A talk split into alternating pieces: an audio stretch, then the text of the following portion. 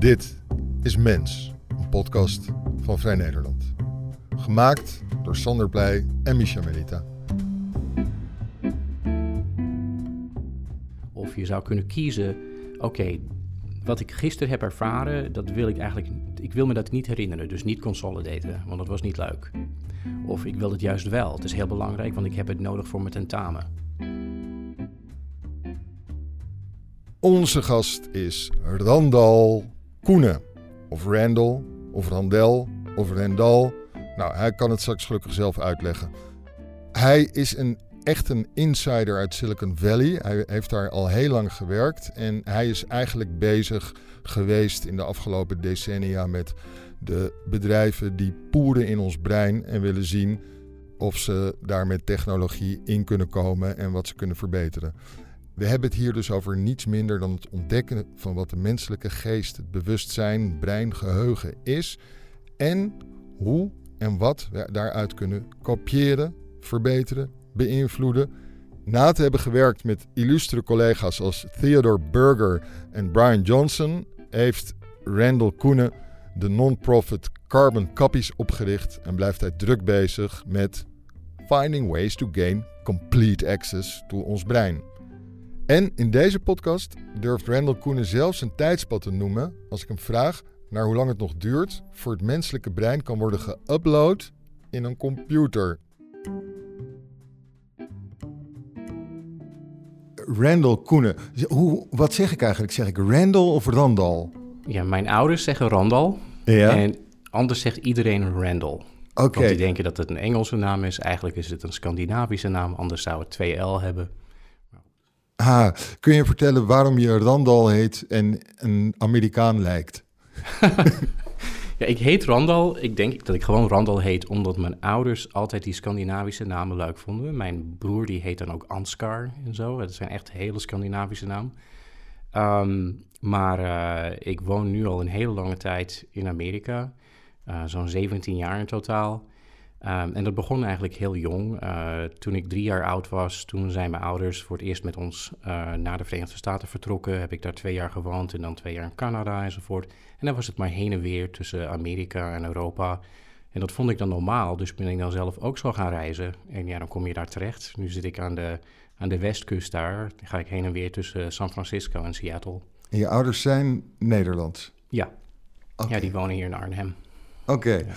En je, waar woon je nu? Meestal? Eh, meestal, dit jaar meestal in Seattle, maar de laatste paar jaren of de laatste eh, zeven jaar eigenlijk het meest in eh, San Francisco. Oké. Waar werk je nu? Ik werk nu voornamelijk aan een non-profit bedrijfje of non-profit, de non-profit organisatie Carbon Copies Foundation. Dat is een organisatie die bestaat om het interesse in zogenaamde whole brain emulation te ondersteunen.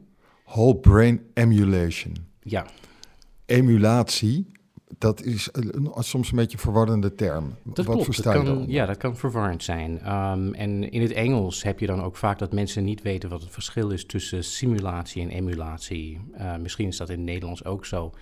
Ehm, als we denken aan een simulatie, dan denk je vaak aan iets dat eh, lijkt op iets anders, maar het is niet precies wat het andere is. Het is dus een soort eh, een weerspiegeling van de voornaamste functies van iets.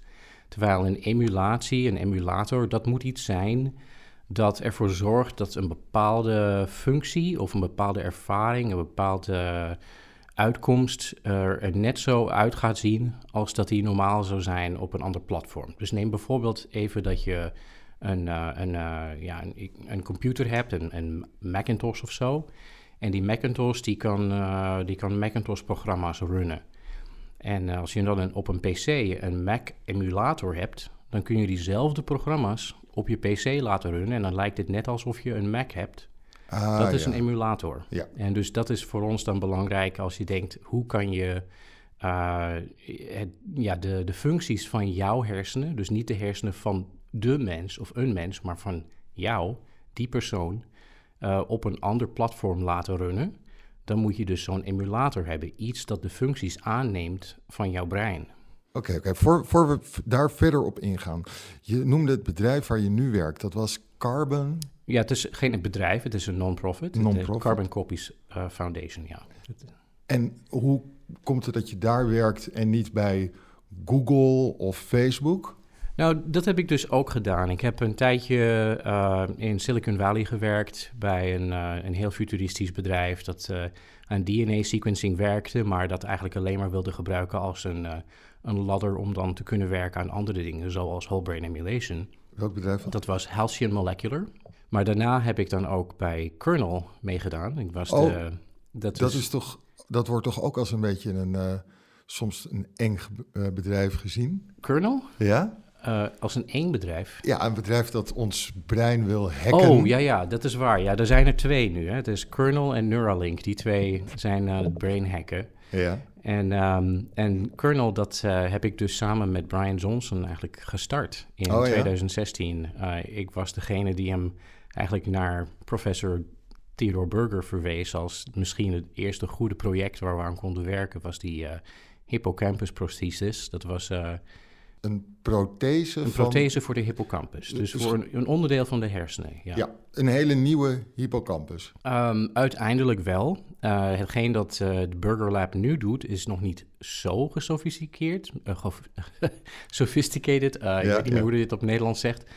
Um, maar um, het is wel zo dat ze dat intussen al getest hebben met patiënten. En dat patiënten die normaal uh, niet meer zo goed nieuwe geheugens kunnen maken, omdat hun hippocampus uh, beschadigd is. Ja. Die kunnen beter geheugens maken als dit, uh, dit prothese, deze, deze, dit apparaatje dat ze gemaakt hebben, als die aan is. En dat apparaatje dat is voor een bepaalde patiënt precies gebouwd. Het is dus niet algemeen voor iedereen, het is per patiënt. Ja. En wisten jullie dan ook wat er gebeurde? Ja, ja het is uh, heel duidelijk wat daar, wat daar gebeurt. Het, nou ja, het is, dat zeg ik misschien verkeerd, want we wisten een onderdeel daarvan. We wisten, dat, uh, we wisten hoe het burgerteam deze, deze modellen bouwt. En, en dat is allemaal heel zinvol, want ze kijken dus gewoon naar het systeem alsof het een, een zwarte doos is, een black box, ja. waar een input in komt. Uh, ze kunnen daar zo'n uh, 60 of uh, 80 neuronen tegelijk kunnen, ze, kunnen ze meten. En aan de output ook. En dan kun je zeggen van nou, dan komen er zoveel inputs in en zoveel outputs uit. En er gebeurt er gedurende deze tijd iets. Wat doet het systeem dan? Hoe kun je dat uh, nabootsen met een aantal mathematische uh, equations? Hè? Ja, want je doet dus mathematisch model zet je erop in plaats van de elektronische ja. uh, en chemische verbindingen die ertussen ja, komen. Ja, ja, dit heet system identification en dat doe je normaal in, de, in de elektrotechniek bijvoorbeeld als je een, een chip hebt waarvan je niet echt begrijpt wat die doet. Ja. Maar die kun je dan ook zo analyseren door gewoon al de inputs te gaan uh, ja, besturen en aan de output kijken wat er gebeurt.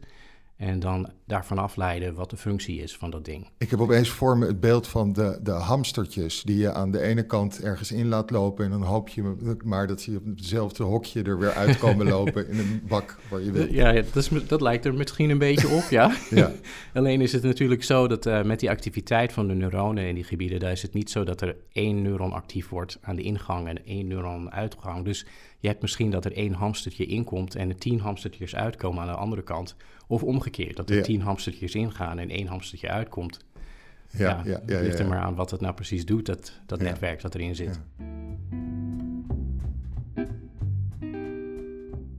Eigenlijk ga je alleen maar, je weet niet van tevoren hoe je iets gaat, gaat, gaat maken, maar je doet eh, aan de voorkant gooi je er wat in. Je hoopt dat het in de achterkant eruit komt. Dat ga je heel veel experimenten ga je ermee doen en op een gegeven moment werkt het. En dat begrijp je het dan ook echt? Kun je dan spreken van begrijpen? Juist, ja, dat was het tweede, tweede deel waar ik zou zeggen van, nou, we begrijpen het niet helemaal. Oh. We begrijpen wat ze doen om het uh, systeem uh, getraind te krijgen. Ja. Maar echt begrijpen wat er nou gebeurt, dat kunnen we niet. Omdat we nu, we zitten niet aan de buitenkant van het brein. Het is dus niet zo dat je, als met de retina, dat je weet dat er aan de ene kant een beeld inkomt. En aan ja. de achterkant, nou, dat zijn de signalen die, die iets betekenen dat te maken heeft met dat beeld. Ja. Dat weten we hier niet. Uh, maar je kan het alsnog uh, modelleren en je krijgt dan iets dat werkt. Ja. En dat is eigenlijk het principe achter whole brain emulation. Namelijk dat je. Er, zijn, er is weer een verschil tussen echt helemaal verstaan wat de hersenen doen. Ja. en kunnen nabootsen wat de hersenen doen. En uh, ik zou er even bij halen dat een, een vriend van mij, de, uh, professor Conrad Cording, die heeft er iets heel moois over geschreven. Die heeft namelijk gezegd, ik denk dat we in een uh, neuroscience dat we verkeerd aanpakken. De manier waarop wij proberen te verstaan wat de hersenen doen. Want het systeem is zo overparameterized. Het heeft zoveel param parameters. Het is zo flexibel dat je eigenlijk uh, niet dezelfde methode kan gebruiken om te verklaren wat het doet. Als je dat doet bijvoorbeeld in de natuurkunde, als je wilt zeggen van wat, wat is uh, gravity nou, hoe werkt gravity of zo. Uh, in plaats daarvan is het zo dat je principes moet, moet beschrijven. Je moet zeggen van een neuron werkt zo, dat maakt een activiteit. Als die zoveel inputs krijgt of zo, dan gaat het boven zijn threshold. Uh, als we er een heleboel bij elkaar zetten en die hebben dan uh, van die recurrent connections, dan kunnen ze leren om een attractor te maken. Dus dat uh, hetzelfde patroon telkens weer opduikt als er iets aankomt dat er een beetje op lijkt.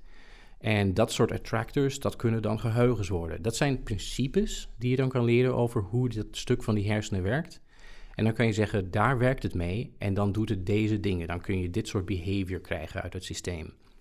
En dat leer je dan dus een beetje anders. Het is bijna zoals je leert programmeren. Dat een computer die kan dit en dit en dit. En dan kan je dat programma zo schrijven of zo schrijven of zo schrijven. Je hebt er drie, vier, vijf, zes, zeven verschillende manieren waarop je een programma kan schrijven dat hetzelfde doet.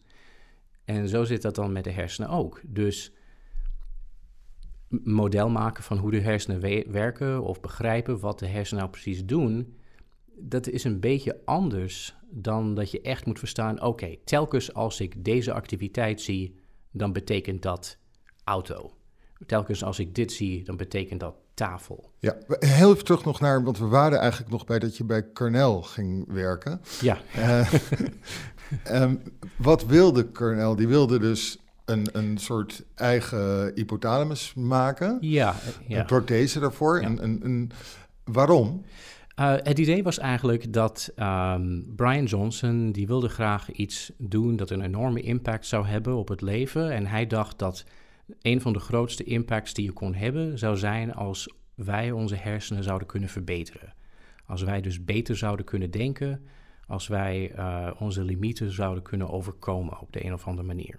En er zijn verschillende dingen die je kan doen, maar echt een enhancement van de hersenen, dat leek ontzettend impactvol, want dan dat heeft weer een invloed op van alles. Hè? En die prothese, dat was één manier om daaraan te kunnen werken. Want als je een apparaat hebt dat echt met het brein kan spreken, en dat misschien ook de functie van een bepaald onderdeel van het brein kan overnemen, dan kun je allerlei interessante dingen gaan doen. Bijvoorbeeld zou je dat, uh, dat onderdeel sneller kunnen laten werken, zodat wat die functie daar sneller uitgevoerd wordt. Of je zou ervoor kunnen zorgen dat die heel reliable is. Dus dat je je geheugens echt nooit kwijtraakt tenzij je dat wil. Of je zou kunnen kiezen, oké, wat ik gisteren heb ervaren, dat wil ik eigenlijk, ik wil me dat niet herinneren. Dus niet consolidaten, want dat was niet leuk. Of ik wil het juist wel. Het is heel belangrijk, want ik heb het nodig voor mijn tentamen. Dus je kan dan opeens dingen gaan doen die je nu niet zo makkelijk kan doen. Want het is heel moeilijk als ik je vraag, nou, wat heb je gisteren precies ervaren om uh, eh, 11 uur 30 in de ochtend? Wat gebeurde er toen? Nou, dan ga je zoeken en denk je van, wat heb ik nou gedaan om 11 uur 30? Daar was iets van, ik had een, uh, een ontmoeting met iemand daar en ja, wat zeiden we toen? Dat, dat kun je dus zo niet bijhouden, maar als je zo'n apparaat hebt en, en daar zie je die activiteit in en je kunt natuurlijk een log maken waar je bijhoudt deze activiteit om 11 uur 30, deze activiteit om 11 uur 31 enzovoort, dan kun je eigenlijk opzoeken in dat, in dat log kun je gaan opzoeken wat er precies om die tijd is gebeurd, die stimulatie weer gebruiken in dat onderdeel van de hippocampus. En dan haalt het geheugen weer terug dat actief was op dat moment. Dus dan herinner je dat. Dus net als een soort library waar je gewoon inloopt en een bepaald boek gaat zoeken met die titel. Ja, ja. Ja, ja, ja. Het is een andere manier om met je hersenen te werken. Ja. En ik, ik vroeg het een beetje ook omdat ik weet nog dat Cornel dat er mensen dat eng vonden. Omdat ze uh, dachten dat is een, een, een marktpartij die dit gaat doen. En uh, mensen vinden dat enger dan wanneer het vanuit de, de, overheid of vanuit eh, de wetenschap gedaan wordt. Alhoewel dit natuurlijk ook wetenschappelijk allemaal gebeurt bij een bedrijf. Heb je dat veel meegemaakt, gezien Een hoe er wantrouwen ja. is? Ja, niet zo van het publiek of zo, want uh, de meeste mensen wisten echt niet wat er gebeurde of zo. Maar uh, ik wist natuurlijk wat Brian Johnson van plan was. En ik wist dat hij echt goede bedoelingen had. Maar ook winstbejag natuurlijk. Want hij is niet zomaar rijk geworden. dat komt er al, moet je altijd een bepaalde houding hebben. Hè? En uh, ik heb dus ook gemerkt dat de wetenschappers er anders tegenover, uh, tegenaan keken. En dat komt omdat ze niet echt vertrouwen wat er gaat gebeuren. En daar hebben ze ook gelijk mee. Ik kan bijvoorbeeld zeggen dat uh, Ted Burgers Lab, dat heel dicht met, uh, heel, heel nauw met uh, Kernel heeft samengewerkt, die hebben niet alleen maar positieve dingen daarvan ervaren. Het was positief dat er opeens veel geld was, dat er opeens veel attention was voor wat zij deden. Maar het was ook zo dat zij opeens de helft van hun mensen kwijt zijn geraakt, omdat Kernel die allemaal heeft aangehuurd. En die bleef dan ook bij Kernel. Ja. En het is ook zo geweest dat, uh, dat zij echt de controle kwijt waren over wat er nou precies ging gebeuren. Dus zolang als Colonel interesse had in die hippocampus prosthesis, ging het goed. En toen het dan leek dat, dat Brian Johnson dacht, ja, ik zei wel dat we tien jaar geld hadden hiervoor, maar ik, ik word nu een beetje bang dat dit echt research is en dat het veel te lang zo doorgaat. En ik moet echt uh, toch een keertje winst gaan maken. Dus we moeten een kleiner onderdeel van het probleem zoeken. Iets van hoe maken we betere implants of hoe, uh, hoe gebruiken we breindata beter of zo. Toen was opeens die hippocampal prosthesis niet meer zo interessant voor het bedrijf. Ja. En dan was opeens Burgers Lab eigenlijk bijna helemaal niet meer uh, in de picture. En dan zaten ze daar weer en moesten ze weer terug naar hun DARPA-funding en zo. En, Ja, ja. en ja, dat zijn van die shocks hè, die je normaal in academisch lab niet meemaakt. Want normaal is het zo dat je een beetje kan, erop kan vertrouwen dat je een aantal jaren lang geld krijgt van de overheid. En daar kun je mee werken. En dan kun je dus ook het soort research doen dat langere tijd gaat duren.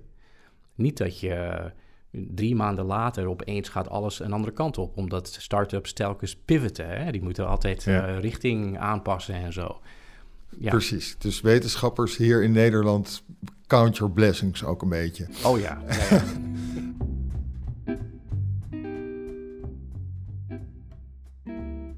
Als je denkt aan emulatie van het, het, het brein, dan klinkt het al heel snel alsof het brein zelf, eh, alsof je daar al een beetje naar kijkt als een robot.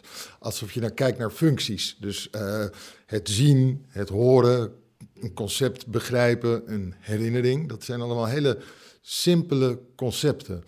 Terwijl er zo ontzettend veel is van het brein waar we echt niks van begrijpen, of maar een heel klein beetje van begrijpen. Um, er zijn honderd theorieën over wat het bewustzijn Inderdaad, is. ja, ja. Zijn er theorieën bij die jullie kunnen gebruiken? Er zijn heel weinig. Uh, ik denk dat consciousness, uh, bewustzijn, dat is een, een onderdeel van de functie van het brein die nog niet zoveel goede theorieën heeft. Er zijn honderden theorieën, maar 99 zijn er geen echte wetenschappelijke theorieën, omdat ze iets, een aanname maken, een stelling geven, iets van uh, het bewustzijn is uh, gelokaliseerd in dit onderdeel van het brein, of het bewustzijn is overal in het heelal, of zoiets. En ja, wat zegt dat dan? Kun je dat testen? Is er een, heb, je, heb je een bepaalde experiment, experiment waar je mee kan testen of dat klopt of niet? Want dat moet je hebben als je een scientific theory wil hebben. Hè?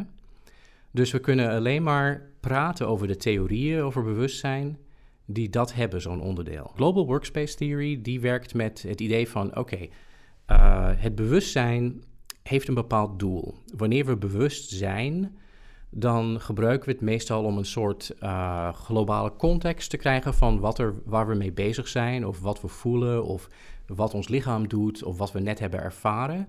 Die, die dingen die halen we samen en dan kunnen we die gebruiken om of een beslissing te maken of iets waar te nemen en dan een geheugen weer uh, op te slaan van, van wat we daar hebben waargenomen. Of we doen er iets mee. Het heeft een functie. Dus Global Workspace Theory, dat is meer traditioneel. Ja. Klassieke neuroscience. Van het is een cognitive functie, bewustzijn. En we kunnen dat beschrijven als een samenwerking van bepaalde onderdelen van de hersenen. Integrated Information Theory is anders. Dit is iets dat Tononi en Koch samen hebben, hebben gemaakt. En die, uh, die hebben dat meer als een soort basic principle aangepakt. Van is consciousness, consciousness nu iets dat uh, echt fundamenteel is van uh, of de manier waarop de hersenen werken, of misschien zelfs het heelal? Dat je, dat je kan zeggen dat een om conscious te kunnen zijn, moet een systeem een bepaalde hoeveelheid informatie bij elkaar kunnen halen en kunnen integreren. En dat moet allemaal tegelijkertijd kunnen gebeuren, dus op een bepaald moment. En dat betekent dat er zoveel contacten moeten zijn in zo'n systeem. Dus dan kan hij kijken naar het aantal contacten die mogelijk zijn tussen verschillende gebieden daar in de hersenen en neuronen en zo. En daar kun je dan een berekening maken en, en heeft hij een formule. En daar kan hij dan deze quotient uithalen voor het IIT. En die quotient die zit dan ergens tussen 0 en 1 of zo. En ja, dan heb je dat uh, een, een menselijk brein, dat krijgt dan een hoge quotient. En een steen die krijgt een hele lage quotient. Dan blijkt dan dat die dicht bij nul zit, maar niet helemaal nul hoor. Dus die heeft dan ook een klein beetje consciousness. Wauw! En, en een ster, een ster heeft een enorme hoge quotient. Dus een ster heeft een hele hoge mogelijke consciousness. en daar gaat het dan heel raar worden. Want dan denk ik weer, is dat echt nou consciousness waar hij het over heeft? Of heeft hij het over een soort proto-consciousness? Is dit een soort berekening van het soort systeem dat je minimaal nodig hebt om iets te kunnen instantiëren dat bewustzijn heeft? Ja, maar vervolgens kun jij er wel wat mee?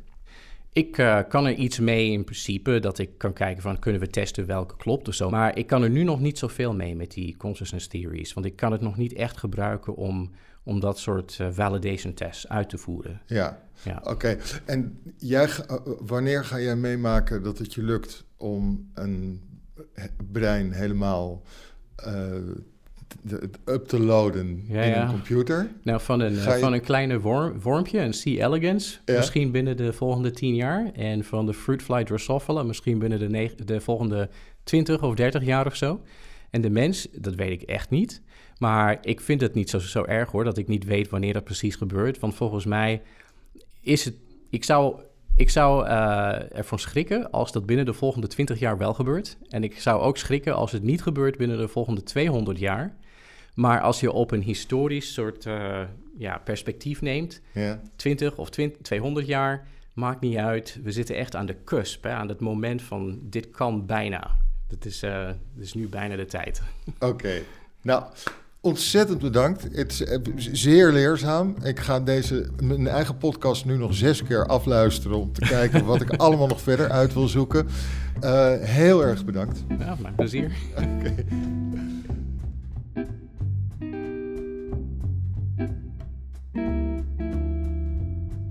Je luisterde naar Mens, een podcast van Vrij Nederland. Als je hebt geabonneerd, vind je de volgende aflevering als vanzelf in je favoriete podcast-app. Je kunt ook kijken op vm.nl/slash mens voor de nieuwste aflevering. Mens wordt gemaakt door Sander Pleij en Michel Minita.